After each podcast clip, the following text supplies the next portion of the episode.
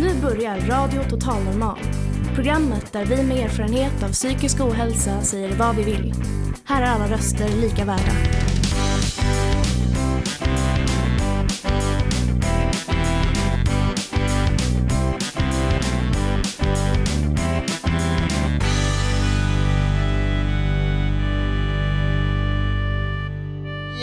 Hjärtligt välkomna till Radio Total Normal, ditt psyke i eten. Och som vanligt hittar ni oss på 101,1 MHz i Stockholms närradio. Idag sänder vi från matsalen på Fountain House och framför mig har jag en härlig publik. Underbar publik idag faktiskt. Och dagens tema är faktiskt humor och andra saker som vi tycker är skoj.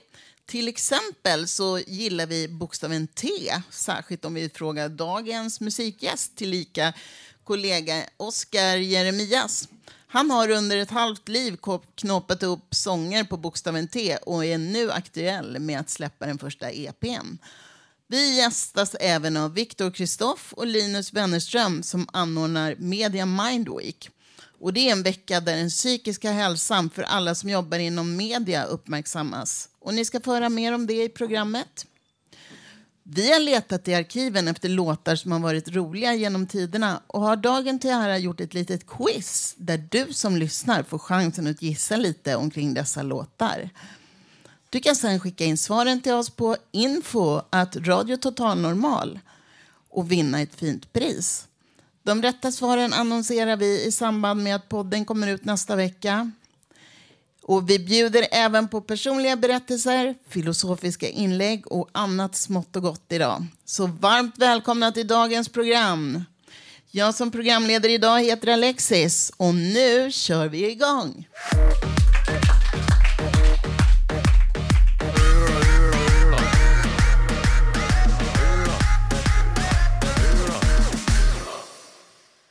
Man lär ju få ta en öl då. Ja, det där var Öla Öla med CK Trubadix. Och med den låten så börjar vi vårt quiz. Öl och annan alkohol är ju vanligt förekommande inom svensk humor i låtform så att säga. I fråga ett i vårt quiz vill vi att ni radar upp så många alkoholromantiska låtar ni bara kan. Så fram med pennan och skriv. Ni får ett poäng för varje låt. Det går bra att skriva på baksidan på pappret.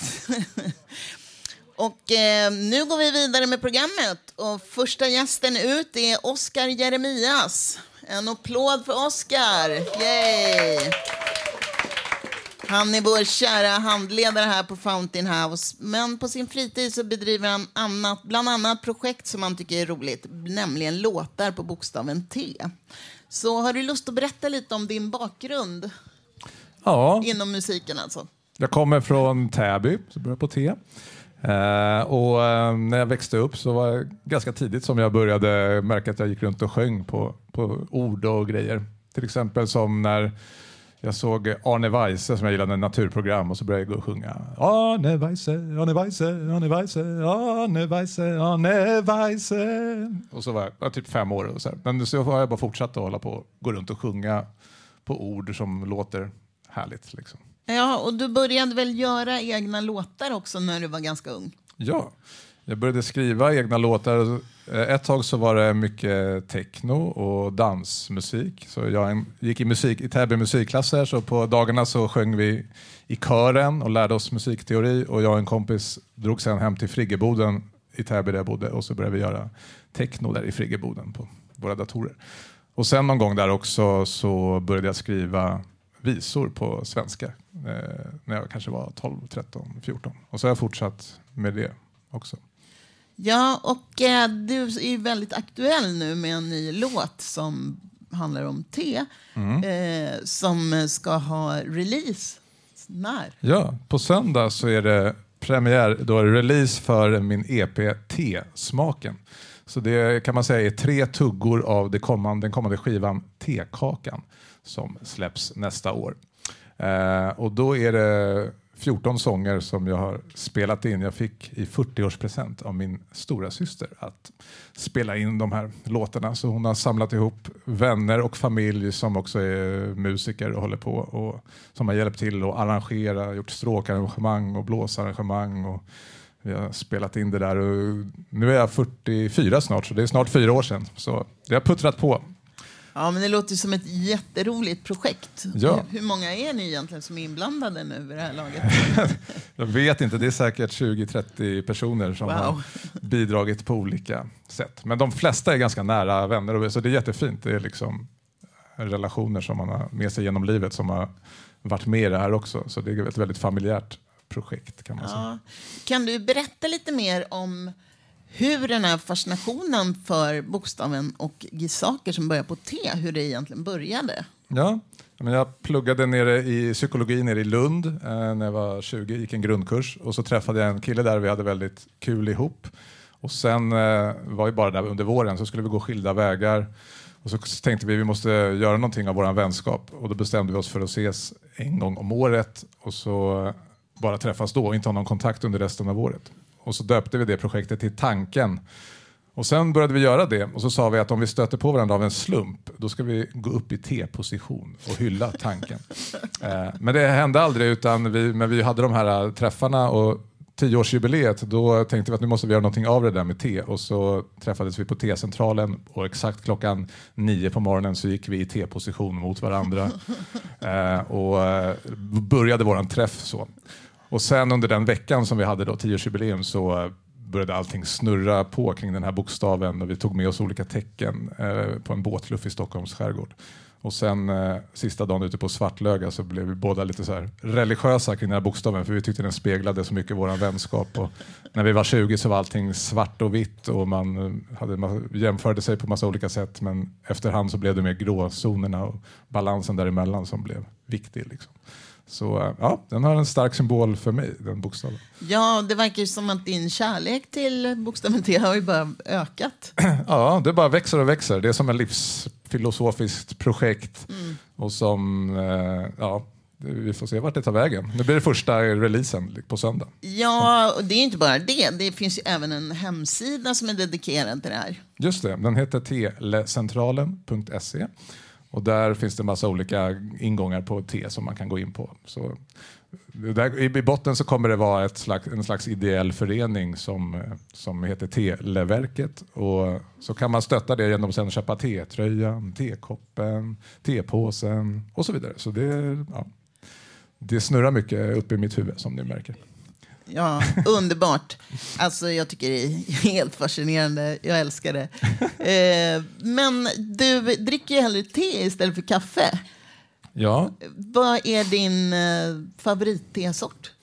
jag tycker mycket om rooibos-te. Rött te är en av favoriterna. Ja.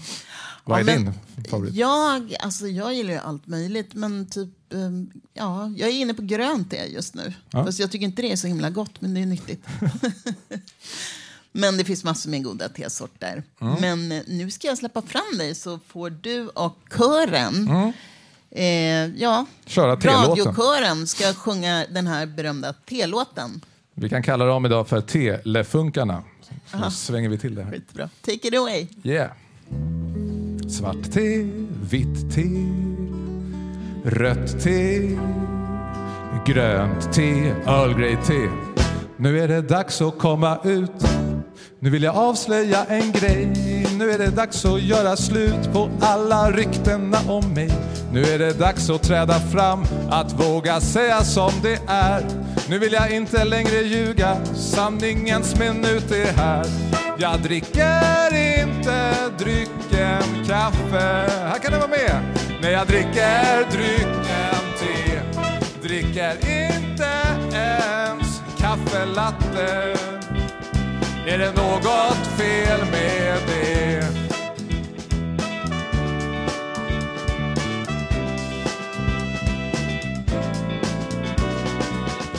Det kan vara riktigt svårt ibland att våga säga som det är. Det kan vara svårt i vårat land att säga nej tack, hellre te.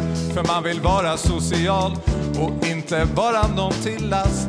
Men jag har inte något val, det ska vara te när jag har rast. För jag dricker inte drycken kaffe. När jag dricker drycken te. Dricker inte ens kaffelatte. Är det nå jävla fel med det? Alla vill vara med och dricka en kopp te.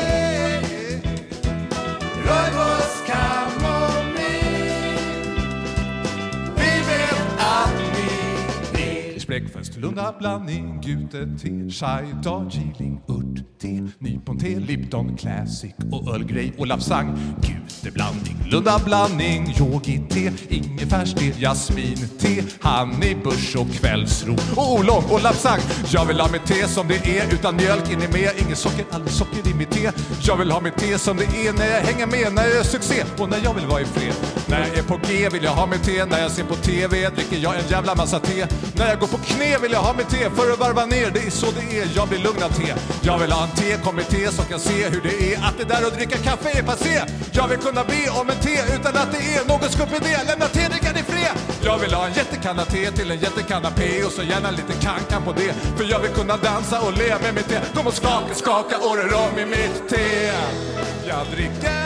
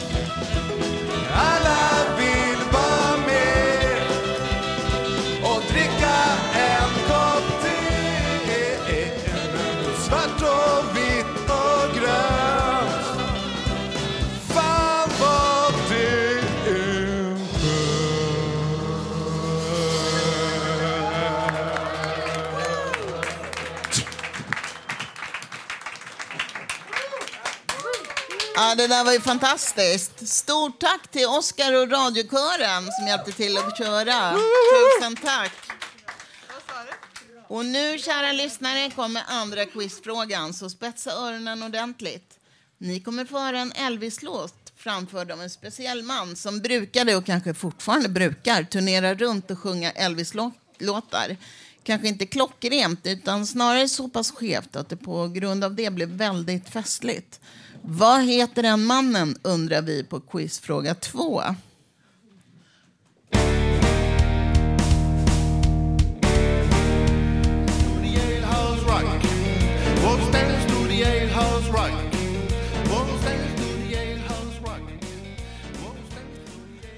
Ja, det här var ju Jailhouse Rock, men vad hette mannen som framförde den här låten? Skriv ditt svar på quizfråga två.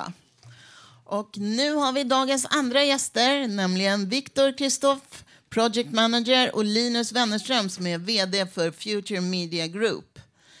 De ska berätta för oss om ett projekt som heter Media Mind Week som kommer att äga, runt un, äga rum under nästa vecka. Ja, stämmer. Har du lust att berätta lite om vad är Media Mind, Mind Week? Eh, ja, eh, Media Mind Week är eh, en vecka där vi på eh, vårt företag, Future Media Group, eh, tillsammans med andra företag i branschen eh, har en chans att lyssna på eh, föreläsare, eh, testa på eh, övningar för att främja eh, mental hälsa såsom breathwork. Och så försöker vi eh, lyfta upp frågan kring mental hälsa eller psykisk ohälsa på eh, agendan. Ehm, för först var det för våra medarbetare och sen så insåg vi att det här är en fråga som är väldigt viktig för hela mediebranschen och andra branscher överlag givetvis. Men så veckan finns för att ge fler personer egentligen en kan man säga, inspiration och, och idéer om eh, hur du kan jobba för att främja din mentala hälsa. Ja, det låter ju jättebra. Men varför behövs det här och hur kom du på idén? Att, eller hur kom ni på det här att starta? Eh, ja, det, det var faktiskt för sju, eh, när vi hade funnits i sju år, Future Media Group, eh, vi har funnits i tio idag, så tre år sedan så startade vi det här och anledningen var att vi eh, som företag behövde lära oss alltså, mer om psykisk ohälsa. Och eh, det var eh, någonting som växte fram för att under våra första år så såg vi att det blev allt vanligare att våra medarbetare drabbades av eh, eh, stressrelaterade symptom, kunde må dåligt. Eh, vi stötte på djupare problem som, som utbrändhet, eh, sjukskrivningar och, och vi såg att det här blev allt vanligare eh, med åren. Jag har varit i mediebranschen i 15 år och eh, jag såg att det här började bli eh, allt eh, vanligare och vanligare för oss. Och vi, då kunde vi liksom inte avfärda det här som isolerade fall och, och förklara liksom, eh, varje persons eh, problem med sjukskrivning med, med, och rättfärdiga eh, det som att det är isolerat. Utan vi såg att det blev vanligare med eh, negativ stress hos vår personal. Eh, vi såg att eh, det här eh, ökade eh, liksom i explosionsartad takt egentligen. Och eh, då valde vi att så här, vi hade ingen lösning på problemet. Alltså, vi är långt ifrån experter på psykisk ohälsa. Utan vad vi började göra var att vi började prata mer om det här i organisationen. Eh, vi tog upp gästföreläsare eh, som med jämna mellanrum då kunde prata om Ehm, eh, olika typer av verktyg för att jobba med mental hälsa, eh, självledarskap, eh, psykisk ohälsa och mental träning generellt. Och så testade vi olika verktyg för vår organisation eh, kring eh, ja, hur man kunde jobba eh, med, med det här. Och det, det som egentligen varit viktigast jag, det var att vi började prata om det öppet i företaget. Och det var det vi fick väldigt mycket bra respons från av vår organisation. Då. Ehm, där människor eh, väl upplevde att man, det var okej att prata om att jag mår dåligt eller har, har stress eller eh, andra bekymmer. För att jag, jag tror att vår företagskultur och, och vårt företag det är väldigt resultatinriktat. Det är väldigt mycket fokus på positivitet i, i kulturen och så, så, så vill eh, vi att det ska vara. Men samtidigt så blir det liksom extra viktigt för oss tror jag att eh, signalerar från företagets håll att det här är eh, det här är viktigt att du som medarbetare ska få prata om. Det är inte tabubelagt utan det är uppmuntrat att dela med sig om det är så att du inte mår bra. Och det var det vi insåg, att det var nog det vi hade gjort lite fel från början, att vi inte hade signalerat tydligt att det här verkligen är någonting som vi vill ha som en del i vår kultur för att vi vet att det också behövs för att vårt företag ska överleva långsiktigt, att människor mår bra. Så att, eh, varför veckan behövs, det tror jag är för att de flesta företag eh, skulle, eller har nytta av att synliggöra de här frågorna mer, inte minst i mediebranschen där vi är. Och det vi vill är så här, dels så har vi veckan för att vi ska fortsätta lära oss mer om eh, mental hälsa och för att sätta det här eh, faktiskt på agendan. För det är en ganska jobbig tid nu för många. Eh, och eh, det gör att det blir ännu viktigare tror jag att få inspireras, eh, skapa förståelse hur man kan hjälpa sig själv, få prata om det här och, och därför tror jag att Media Mind Week behövs just nu mer än, eh, än eh, någonsin. Jag tycker det låter som en fantastisk grej att dra igång. Men jag undrar lite, är det någonting som alla kan vara med på? Och är det, liksom, är det bara ert företag eller är det någonting som har spridit sig till andra medieföretag? Eh, jag önskar att det sprider sig ännu mer. Vi har gjort det i tre år, men vi har flera företag som kommer att vara med idag. Och det här är för alla. Det här är egentligen initiativet för mediebranschen, men alla här inne, eh, alla som eh, lyssnar, alla är välkomna att vara med. Eh, det är superenkelt att vara med på exempelvis, eh, vi har ett breathwork på tisdagen där man jobbar med andningsövningar. Eh, vi har en jätteduktig gästföreläsare som heter Debra Myllrad som är utbildad psykoterapeut och, och superinspirerande att lyssna på eh, när det kommer till att sprida kunskap om eh, psykisk ohälsa och mental träning. Det är på onsdagen. Och går du in på mediamindweek.com, media mind, alltså M-I-N-D, week.com och så scrollar du bara längst ner på sidan så kan du anmäla din mailadress så får man en länk och så kan man vara med på de här eh, föreläsningarna eh, helt gratis. Vi vill bara uppmuntra alla att eh, vara med. Så det spelar ingen roll om du är i mediebranschen eller inte. Ja, det låter ju skitbra. Så då vet man att man kan gå in på hemsidan mediamindweek.com. Yes! Toppen. Eh, har ni själva erfarenhet av psykisk ohälsa? Eh, jag har väl det kanske mer utan att veta din historia. Eh, men jag har väl alltid varit en ganska ångestdrabbad kille, upplever jag. Men minns att vi jobbade eh, precis i början av pandemin när vi fick stänga ner kontoret och jag fick jobba hemifrån som jag typ kom i fund med hur jag mådde lite grann för att det fanns så mycket tid till allting annat. Och då insåg jag att jag började bli väldigt, väldigt överarbetad och stressade ihjäl mig nästan kände jag för att jag brydde mig väldigt mycket om varenda sak.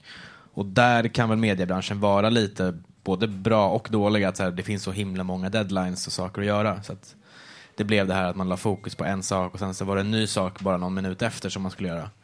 Eh, och jag kände till slut att jag fick lite nog. Jag kände att jag och min, min kropp hängde liksom inte med och klarade inte av den farten. Så jag eh, pratade med, med Linus bland annat och min chef och sa att jag tror att jag måste ta en paus och liksom bara stänga av allting. Så jag sjukskrev mig i tre månader och hade en kontinuerlig liksom, ett prat med, med, med mitt jobb bara för att se att jag mådde så bra som möjligt som det gick. Eh, och den öppenheten där eh, var ju nog väldigt givande för mig att för att kunna komma tillbaka så snart som möjligt och ändå liksom inte stressa fram någonting. För att det tror jag också kan vara en ond spiral att många vill tillbaka och jobba för att man inte vill att någon ska känna sig besviken på någon eller så. Men det var en fin blandning av att liksom, såklart vilja ha honom tillbaka men med, med hälsan i, i främsta åtanke. Men så psykisk ohälsa lider jag av fortfarande. Eh, är väldigt öppen med att jag lider av eh, generellt ångestsyndrom, eh, tar antidepp och ser inga problem att prata om det. Och tycker att jag mår bättre varje gång jag pratar om det med någon och någon kan fråga mig som jag liksom känner att jag, du, jag börjar må dåligt, vad kan jag göra för det? Och då har man ju en hel del S-rockare men som man kan bidra med, med, med alla års erfarenhet av det. Så jag tror att en öppenhet om ämnet gör att man i slutändan kan må bättre eller så kan man tillsammans hjälpas åt att må bättre. Så det är så ungefär.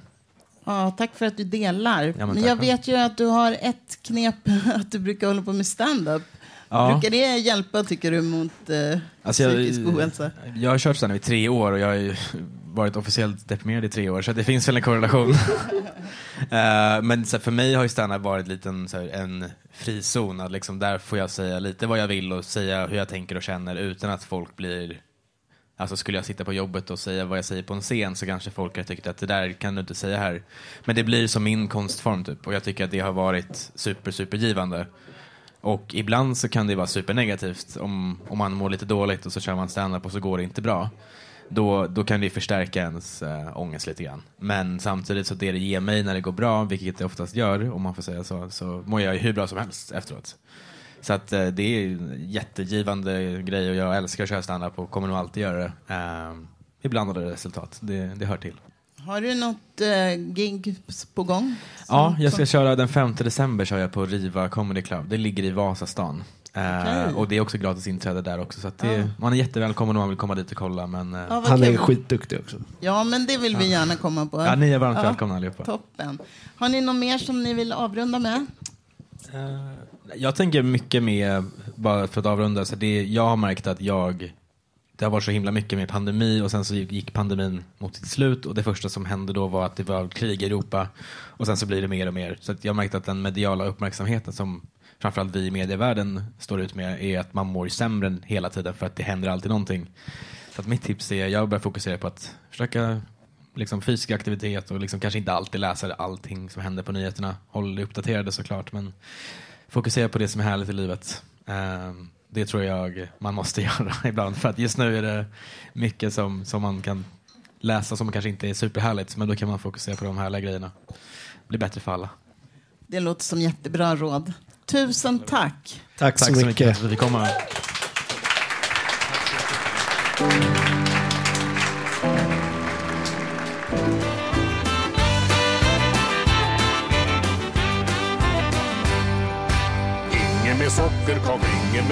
Med hit en morot till mig. Ni hörde först Lena Nyman och Gösta Ekman med Vad har du i fickan Jan? Och sen blev det Fernandos Git med låten Så tjock du har blivit. Frågan är om det var roligt eller inte, det låter vi vara osagt. Men däremot kan vi säga att fetma är något vi svenskar genom åren har skrattat åt. En känd komiker använde till och med ett namn som syftade till att han var fet och sjöng bland annat att han var för fet för vissa grejer. Vi undrar vad heter den komikern och vad hette hans stora hit? Skriv svaret på fråga tre. Och nu hälsar jag Koffi välkommen. Vad, så mycket. vad ska du göra?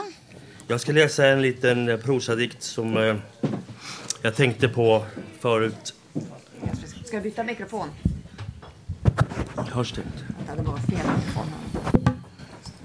Nu. Blå. Jag måste ta...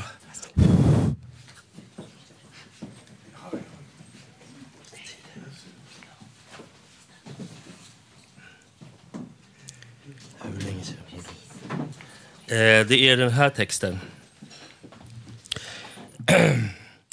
Hur länge sedan var det inte du sa att han eller hon var egoistisk? Det har blivit bättre i samhället. Man kan inte kalla en människa egoist som man inte känner ordentligt. Den som är egoistisk oftast pratar om sig själv, tänker ofta på sig själv. Men den personen tänker i alla fall på något och det är sig själv.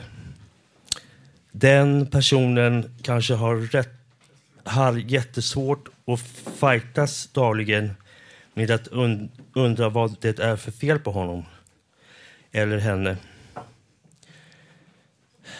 Eller henne, just det. Jesus blev betraktad som egoist. Ja, okej. Ja, tack. Ja, Jag vet inte, jag tror det. Ja, men det kanske var sant. Eh, vad var det här som? Eh, eh, Jesus blev betraktad som egoist för att han kunde göra saker som ingen annan kunde göra. Och då trodde man att han var egoistisk. Och korset. Om det är något i din omgivning som är egoistisk eller verkar egoistisk, testa honom först eller henne. Jag brukar träffa en jättetrevlig man som verkar vara lite egoistisk, men jag, tro- jag, men jag har sett att han har problem och har det nog svårare än vad man kan tro. Jag fick två fina gåvor utav honom och det var jättefina slipsar, handsydda. Som en av, är en av mina bästa slipsar i min slipssamling. Jag kallar aldrig honom egoistisk eller egocentrisk. Nu, jag, nu. jag bara fortsätter att försöka stå honom nära och vara hans vän.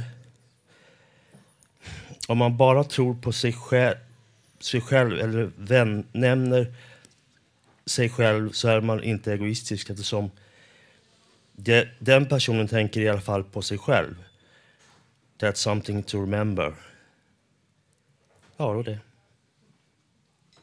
Det var lite underligt det här, men det är...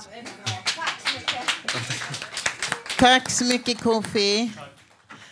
Och nu mina damer och herrar så har det blivit dags för vår alldeles egen karaoke-drottning Sarri att komma upp på scenen.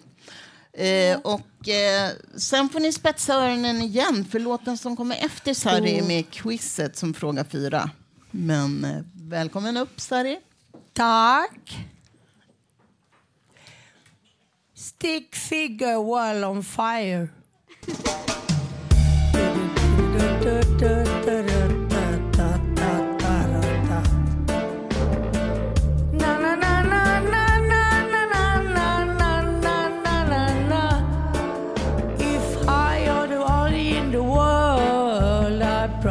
Burn it all. If I have the all riches in the world, I surely burn it all. One in a million, money gonna kill him. Oh, I must we hope control. Blaze up the firestorm, there's people getting high from the smoke of another man's gold. Who set the world on fire? Who set the world on fire? Set the world on fire? It was me set the world on fire.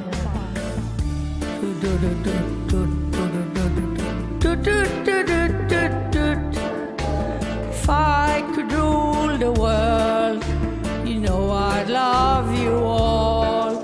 If a smile could save the world, you know I'd heed you all.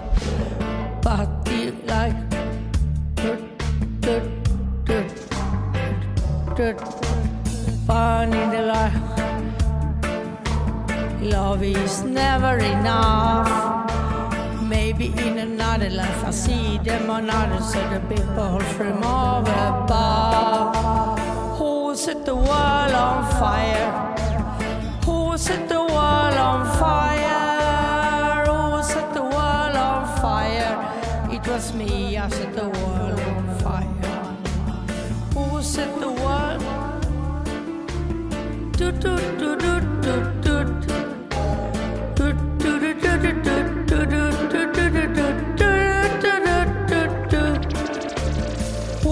control over everything if money steal your soul?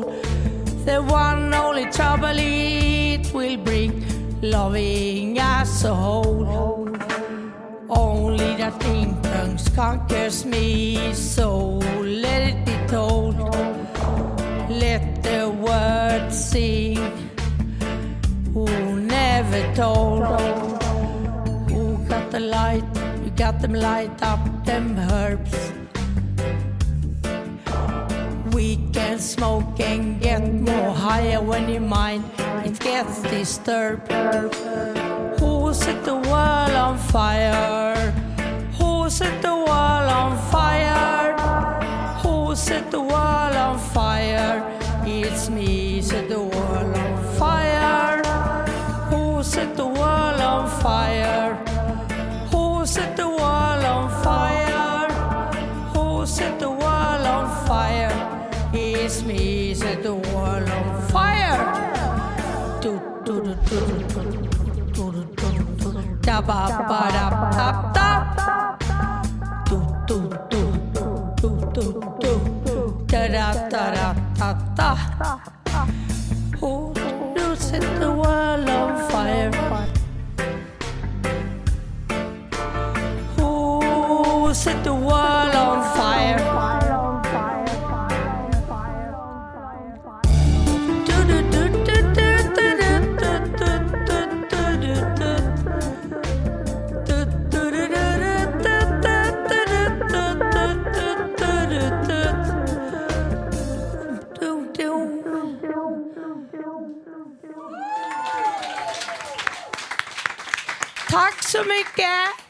Tusen tack, Sari. Jag ska berätta en sak för dig. Vadå?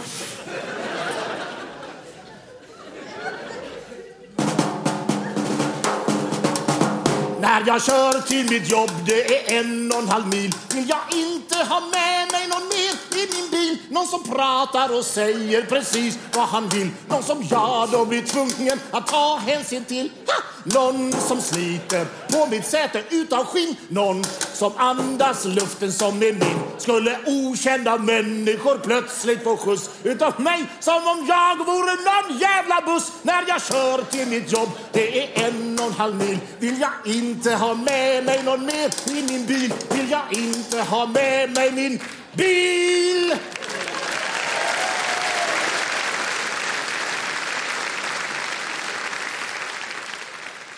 Ja, det där var låten Samåkning som är hämtad ur en mycket populär tv-serie som sändes under 80-talet. Vad hette den serien och vilka gjorde den? Svaret går in på fråga fyra i vårt quiz. Och nu har jag Staffan här vid min sida. Du har skrivit upp några referat om skratt som du tänkte läsa upp. Ja, jag har lyssnat på en intervju på Sveriges Radio med Sophie Scott. Hon är professor i kognitiv neurovetenskap vid University College London. Och hon forskar på positiva känslor som röster i skratt. Och eh, ett skratt förlänger livet sägs det. Men varför skrattar vi och vad händer när vi skrattar? Sofie menar att skrattet är ett socialt beteende för att knyta oss närmare varandra. Vi skrattar 30 gånger oftare tillsammans med någon än när vi är ensamma. Vi skrattar också mer ifall vi känner personerna och tycker om dem. Vi vill helt enkelt att, att människor ska tycka om oss. Och vi skrattar oftare om det vi själva sagt än om det som andra säger. Det är inte så att vi skrattar åt våra egna skämt, utan det är ett socialt beteende för att skapa och bevara relationer. Så även om vi tror att skratt är kopplat till humor är det framförallt ett bindningsbeteende, eller på engelska bonding behavior. Men vi är inte alltid medvetna om det här. Studier visar att vi skrattar ungefär fem gånger under en vanlig vardaglig konversation på tio minuter. Men när vi själva ska rapportera om detta tror vi att det är mycket mer sällan. Det går lite under radarn. Skratt har alltså mer med en social kommunikation att göra än med humor. Till exempel gifta par som skrattar mycket tillsammans och då särskilt för att hantera svåra situationer och konflikter, är också de som är mest nöjda i sina äktenskap. Skratt kan på så sätt lösa upp många negativa känslor. Ett annat tecken på att skrattets sociala funktion är att skratt är mycket smittsamt. Och det syns i hjärnan med hjälp av magnetkamera när försökspersoner får lyssna på andra som skrattar. Det kan liknas med hur smittsamt gäspningar kan vara. Det här har med det så kallade spegelsystemet i hjärnan där spegelneuroner aktiveras och gör att vi kan känna samma saker som andra människor även om vi bara är passiva åskådare. Som en jämförelse aktiveras de här spegelneuronerna mer av skratt än när vi är äcklade. De här, de här sociala skratten som vi använder för att bonda med andra människor är ofta viljestyrda. Men så finns det ju de här skratten som inte går över. Man kan inte hålla tillbaks dem. Och man försöker samla sig och man lyckas inte. Och man kan inte föra fram ett vanligt tal. Det här är ofrivilliga skrattanfall och de gör oss mer sårbara. Vi blir matta, svaga och tappar andan. Man kan till och med svimma och barn kan drabbas av fnitterinkontinens. De kissar på sig.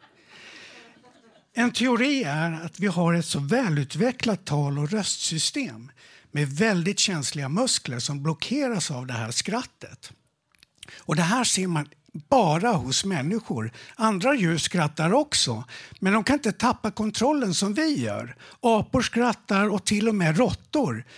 Men det har vi inte på grund av att de har mycket höga frekvenser i djuret. Så slutligen, om du känner för att skratta så gör det. Men säkerställ att det är lämpligt och att du gör det för att knyta an till andra människor. Och skrattar du i din ensamhet så höjer du åtminstone endorfinnivåerna. Det är ju skönt att skratta. Så ett liv fullt med skratt borde vara bättre än ett liv utan skratt. Och vi kan ju alltid hoppas att ett skratt förlänger livet. Wow. Ja, tusen tack Staffan. Det var verkligen jätteintressant och roligt.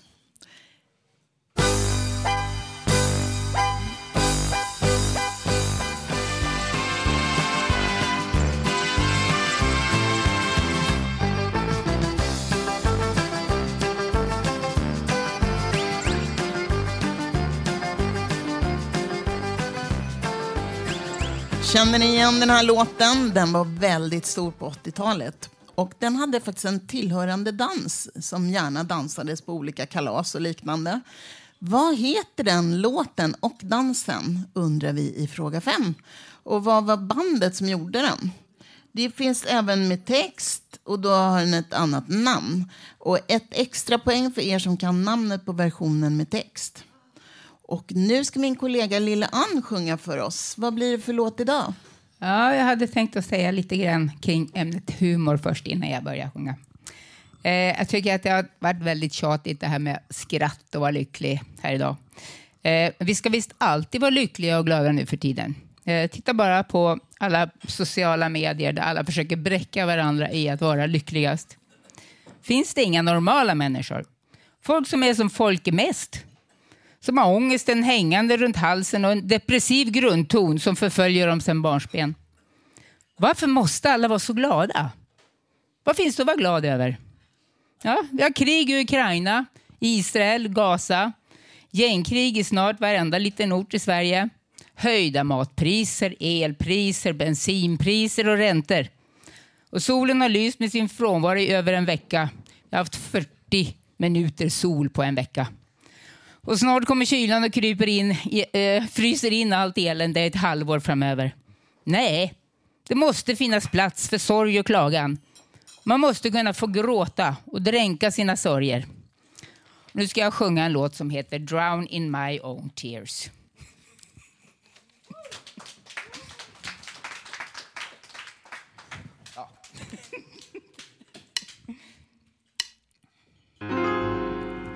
It brings big tears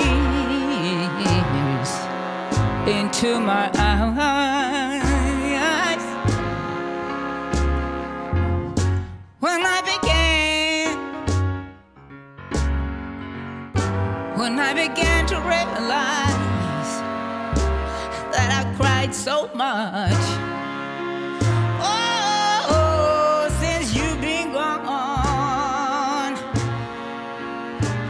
Guess I'll drown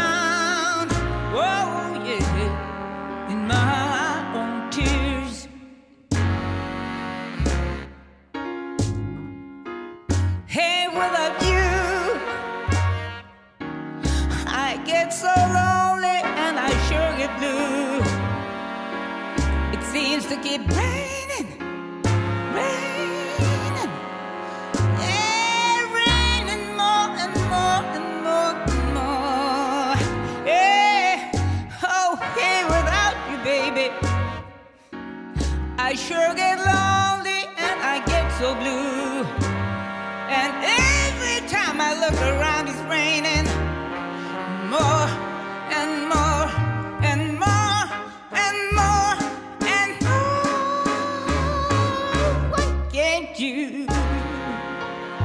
Oh, why can't you come on?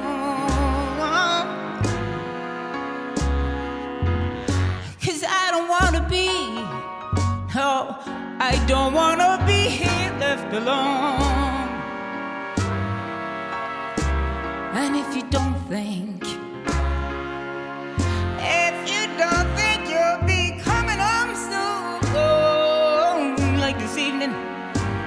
believe I'm gonna drown this morning.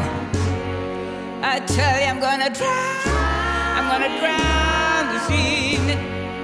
It's sure gonna get back to the midnight hour.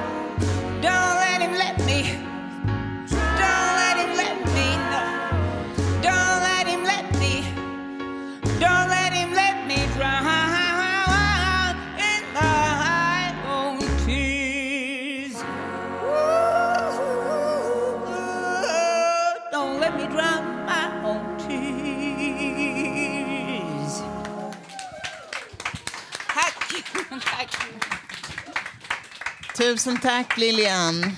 Tack. Tack ska du ha. Nu är det dags för Nicky att komma upp på scen och hon ska prata lite om saker som kanske inte var jätteroliga när det begav sig men så här i efterhand så kanske det man kan se på saker och ting ur ett annat perspektiv. Och man kanske till och med kan skratta åt det. Varsågod Nicky. Take it away. Ja, okej. Jag, ska, jag ska dela någonting eh, intressant som jag inte visste om först eh, tills jag hade UC-kurs. Och det också, det också passar lite för today, idag, förlåt. Uh, T för teckenspråk. So uh, yeah, we'll continue in English now. I have the ability to sign when I communicate, to sign with sign language. Uh, so how did this come about? A few years back, uh, I was in a full-blown psychotic state. I found myself in the ward. The issue, though, I lost the ability to speak. I just I couldn't verbalize anything. And my paranoia, I'm afraid, I'm agitated. So what am I going to do? What am I going to do? How am I going to express these fears when the door's shut?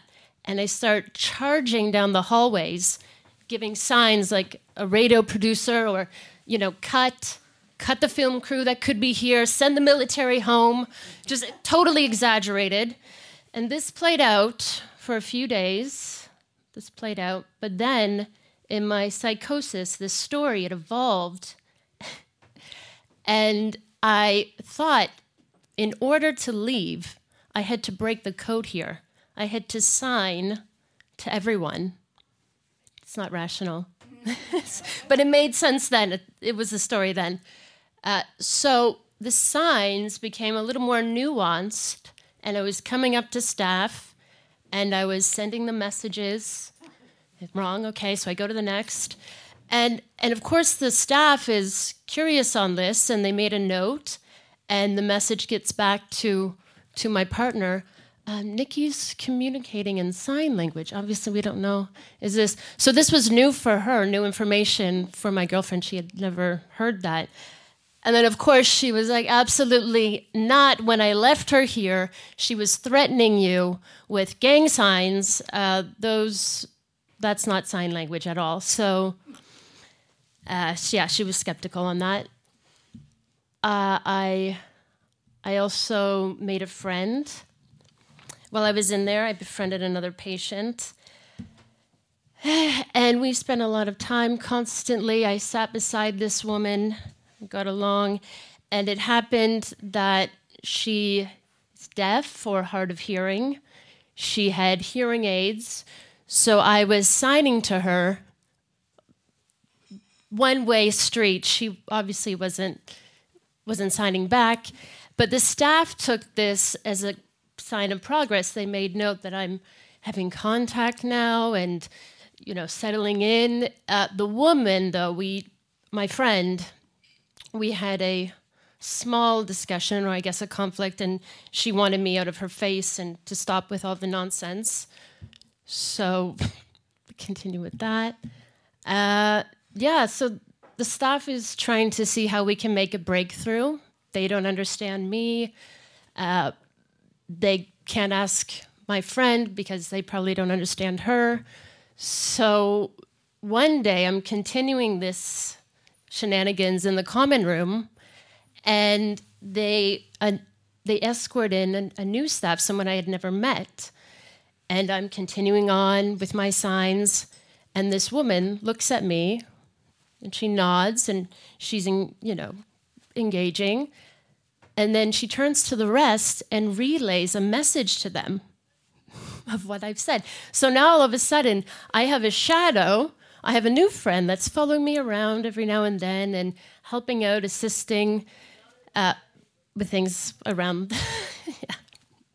I had I had a new friend, uh, but eventually this this lifts, the psychosis lifts, and I'm able to speak. And unfortunately, my ability goes away to to tekken to to sign. Uh, I didn't really put too much weight in that. I knew I had this story in my head why I was doing that. I know absolutely I was doing that. I was I broke the code. I broke you know, cracked the code. I was able to go home at that point. And I meet my psychologist for the first time afterwards. And her point, it wasn't you know, medication or how you're doing. She really wanted to know about this sign language. And I and I said to her, I have no idea where this came from. I you know, maybe I was watching Sesame Street. I have no idea at all. How could I have you know, began communicating? So I didn't I I kind I stuck with that a little bit, but of course as time went on, it's just absolutely impossible. And my partner she totally grounds me and, and says it's nonsense. You weren't at all. So i came to the conclusion that this must be a form of treatment that they just kind of allowed me to continue on and made me feel safe. But it's still I, I couldn't quite i had to i had to dig further so i found my journal the other day which you shouldn't do. You shouldn't go through your journal. So i skimmed through that and i have i have oh here. I have a little a little bit of something. So skimming through getting rid of the bad stuff and you know it says signs of exaggerated behaviors. Yes i was throwing the gang signs or you know being very rude. And then it says tekken yeah okay maybe i was showing this that's explainable but then i found this one and i'll just share it Försök till samtal med patienten. Patienten vägrar följa in till samtalsrummet. Yes. Nu helt mutistik. Mute. Kommunicerar med dess teckenspråk. Vilket förstås hjälpt av sjuksköterska Maria. På teckenspråk upprepades kontinuerligt uttecken nay, which I can definitely do that. So that was basic. Yes. Good job, Maria. And then the next quote, Jag vill gå hem, which is a full sentence. So I found that pretty interesting that Maria picked up on that. and then samt med samt att med med patient som patienten inte känner sen tidigare ska följa med. So my friend, I'm thinking that this is my friend that I met in the ward. I'm expressing that she should go home with me. Maria's picked this all up somehow. And then the last is naked at tar emot which would have helped if I had done that, probably. But so that's I I I know I can't. I absolutely cannot. But what's this saying about Maria, right? I don't know. That's it. That's amazing, Nikki. Thank you so much.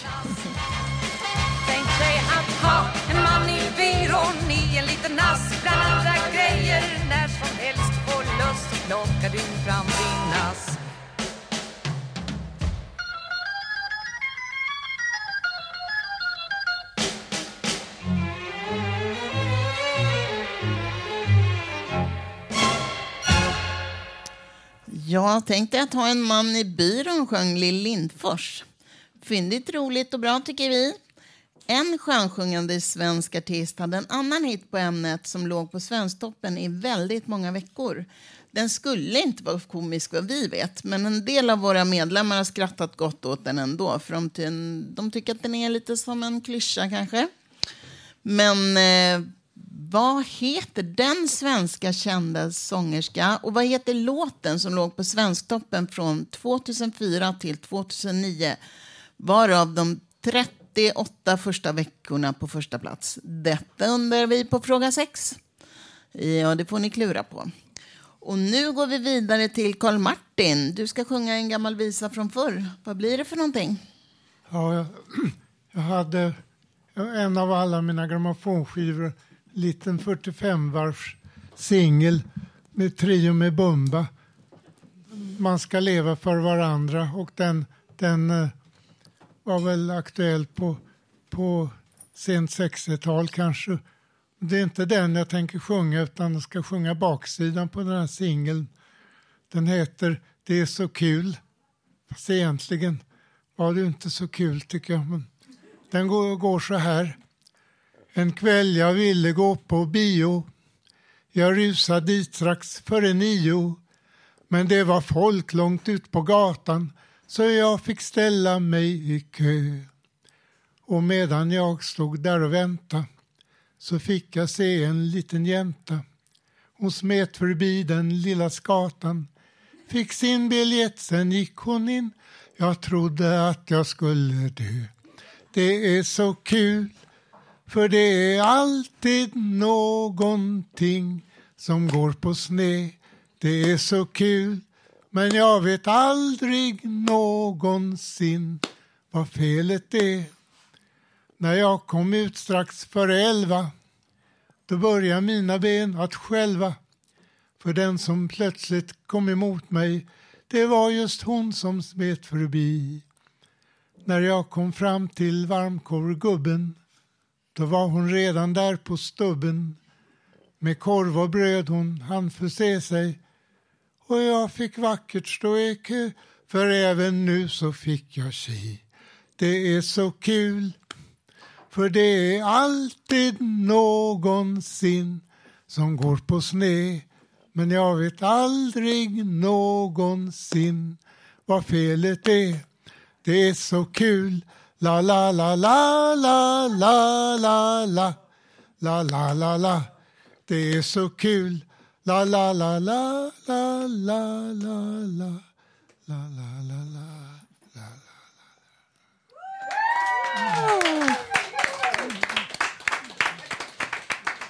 Tack så mycket Karl Martin. Och nu kommer Felix. Hej! Jag har upptäckt intressanta saker med humor. Att sorg kan förlösas genom humor och dämpa ner jobbiga känslor. År 2021 så, så gjorde jag en animerad film som heter Being a Dog. Jag har pratat om filmen här tidigare. Det är alltså en film som berättar om hur det har känts att vara autistisk från mitt perspektiv och hur det, har varit att vara, hur det har varit att vara en människa från min synvinkel. Jag har känt en stor ensamhet och jag kände mig som ett stort offer. Inget roligt precis. Filmen har visats på många filmfestivaler. Jag har närvarit på få visningar eftersom filmen har visats under pandemin med begränsade möjligheter till resor. När jag deltog på filmfestivalen Rex Animation Festival i Stockholm hösten 2022. Jag blev chockad över hur mycket publiken kunde skratta åt min film. De skrattade åt ansiktsuttrycken, karaktärsrörelserna, replikerna och hur jag utnyttjade utanförskap-temat och gjorde någonting komiskt av det. Som att göra en film om en hund utifrån det. Jag trodde att jag hade gjort en film som var väldigt sorglig, men det visade sig att det var många som tyckte att det var en rolig film. Att andra kunde uppfatta filmen som att den gjorde någonting komiskt utifrån svåra känslor som ensamhet och känsla av meningslöshet var förvånande. Jag tyckte väldigt mycket om det, att folk skrattade med mig. För det gjorde de, inte åt mig. Det är viktigt med humor, från vilket håll den kommer och åt vilket håll den riktar sig. Det där skrattet lyfte något från mina axlar. På något vis kunde jag skratta åt mig själv. Med mig själv. Det var då jag förstod att jag också gjorde en rolig film och inte bara en sorglig film som jag trodde att jag hade gjort att humor också funkade på det sättet att det sorgliga kan förlösas genom humor. Tack så mycket Felix.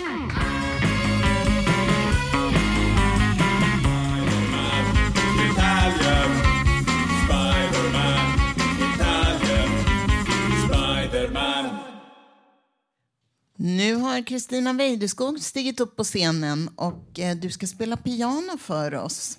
Eh, jag ska låta dig börja, men jag tänker bara säga att efter Kristinas framträdande kommer fråga sju i vårt quiz, så var beredda på det.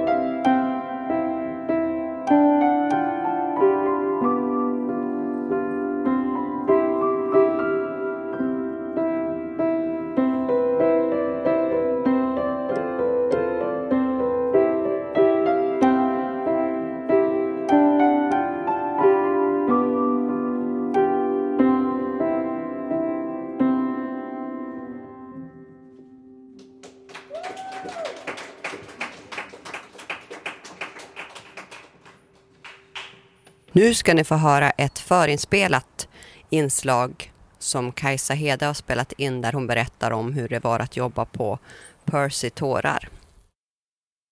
Killinggänget var en svensk komikergrupp startade 1991 av Henrik Schyffert som tillsammans gjort flera uppmärksammade tv-serier, krogshower, kortfilmer och även långfilm. Gruppen bestod utav komikern Robert Gustafsson, Henrik Schyffert, Johan Reborg och Martin Luck, Anders Lokko och Jonas Inde. Jonas Inde hoppade av 2005, även regissören först Walter Söderholm och därefter Thomas Alfredsson som brukade räknas till Killinggänget. Namnet Killinggänget kom från en rollfigur vid namnet Glenn Killing spelad av Henrik Schyffert som framträtt i flera av gruppens produktioner. Det har gjort flera produktioner, även varit på uppsättningar på Dramaten. Var succé och väldigt populärt program, inte bara hos ungdomar. Jag jobbade som kostymassistent på Percy Tårar. Var slitigt jobba som kostymassistent. Tungt jobb men vad kul att vara med där det händer. Man vill så mycket och kort betänketid. Blev utbränd av att jobba och fick efter lång tid psykisk ohälsa. Var ändå kul tid på tv men var ett par år sedan och det ser inte ut så som när jag jobbade där.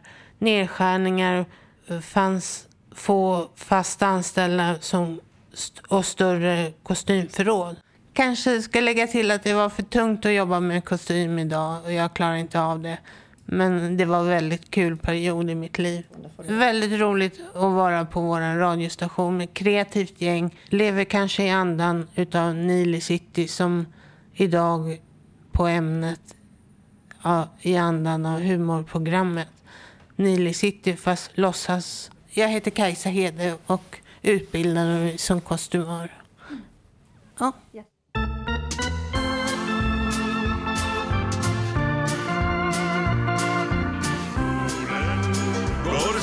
Vägen fram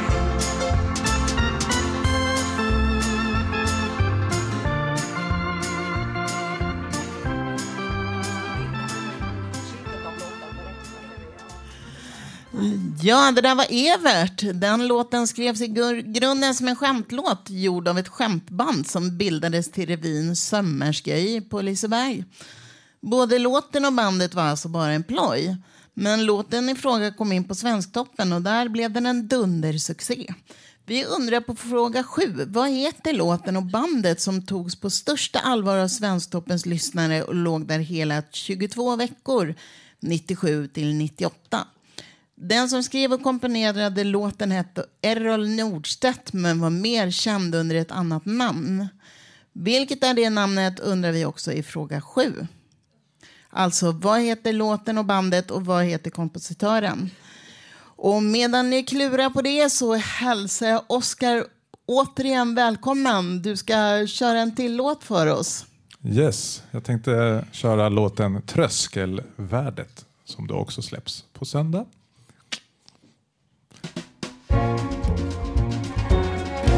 Och han tar sig över tröskeln och tar en vinterpromenad. Och knastret under skorna får honom lite glad. Hans tankar flyger bättre för varje minusgrad. Han har funktionella kläder och en termos med choklad. Förr besteg han Alper och drömde om Paris. Om att vara fattig författare och få författarpris. Han hoppade från flygplan, lev för dam var hans devis. Och han seglade till Bahamas där han fann en inre kris. Och han tar sig över tröskeln och ringer upp en gammal vän. Och de ses och åker pulka och bygger jättegupp igen. De talar om att tiden stod still för länge sen. Nu far den fram som pulkor med medelålders män.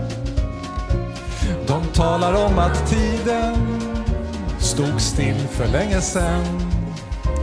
Nu far den fram som pulkor med medelålders män. Och han höll lätt i rodret när han följde golfens ström på sin väg över Atlanten för att nå ännu en dröm. Men framme i Bahamas kändes livet som en lögn och det enda som han ville var att komma hem till snön. Och han tar sig över tröskeln och skottar sin balkong. Och han kommer in i rytmen och börjar nynna på en sång. Den för honom tillbaka till när han var tonårskär en gång. Och han skyfflar över räcket medan hjärtat tar små språng. Och på sin väg tillbaka in i en småstad som var grå så såg han nya drömmar, men hur högt måste man nå? Han tillät sig att stanna och det var rätt skönt ändå. Och så såg han alla trösklar som han kunde sikta på. Och han tar sig över tröskeln och kliver upp redan vid fem. Och där ute lyser nysnön. Det går mot fullmåne igen.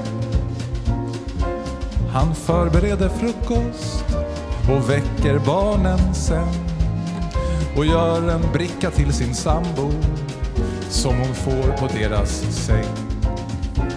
Han förbereder frukost och väcker barnen sen och gör en bricka till sin sambo som hon får på deras säng. Men ibland så kommer längtan att få stå på barrikad långt bort från väckarklockor och termos varm choklad. Han går ut på balkongen och ser på hus som står på rad och han smygröker en cigarett och drömmer sig bort ett tag. Och så tar han sig över tröskeln som ibland kan vara ett berg. Vissa dagar är det iskallt och blåser in i ben och märg. Men när han snörat på sig skorna och när ansiktet fått färg så känns det ändå mer harmoniskt än på toppen av ett berg. För måla' han i svartvitt, nu är grått mer hans färg. Han tar sig över trösklar, men bestiger inga berg. Förmålar jag i svartvitt, nu är grått mer min färg. Jag tar mig över trösklar, men bestiger inga berg. Tusen tack, Oskar. Det där var ju skitbra. Alltså, vilket härligt sound du har hittat. Ja, det var ju tyvärr allt. Nej, det var... Nej. Det är en låt. En sista låt. Fem,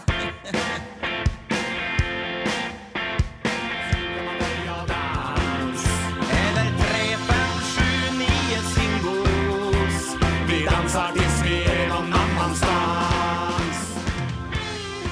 Ja, nu ska jag avrunda. Men tusen tack för idag alla lyssnare och vår härliga, härliga publik som vi har haft här idag. Ja, just det. Den här låten var också med i quizet. Eh, och den är hämtad ur en populär tv-serie om tre bröder och deras arbete. Vad hette den tv-serien? Det vill vi veta på fråga åtta och det är sista frågan i detta quiz. Nu ska jag avrunda. Eh, ja, tusen tack till alla lyssnare och tusen tack till den här härliga publiken och tusen tack till alla fantastiska personer som har uppträtt här idag. Tack så jättemycket. Applåd. Och ni som har gjort quizet, glöm inte att skicka in era svar på info radiototalnormal.se och ni kommer få ett fint pris. Och svaren och presentationen av eventuell vinnare kommer ut i mitten av nästa vecka i samband med att vi lägger ut podden. Nästa livesändning blir den 23 november och under den tiden kan du alltid lyssna på oss via www.radiototalnormal.se. Där finns alla våra program samlade. Och du kan också lyssna på oss där poddar finns.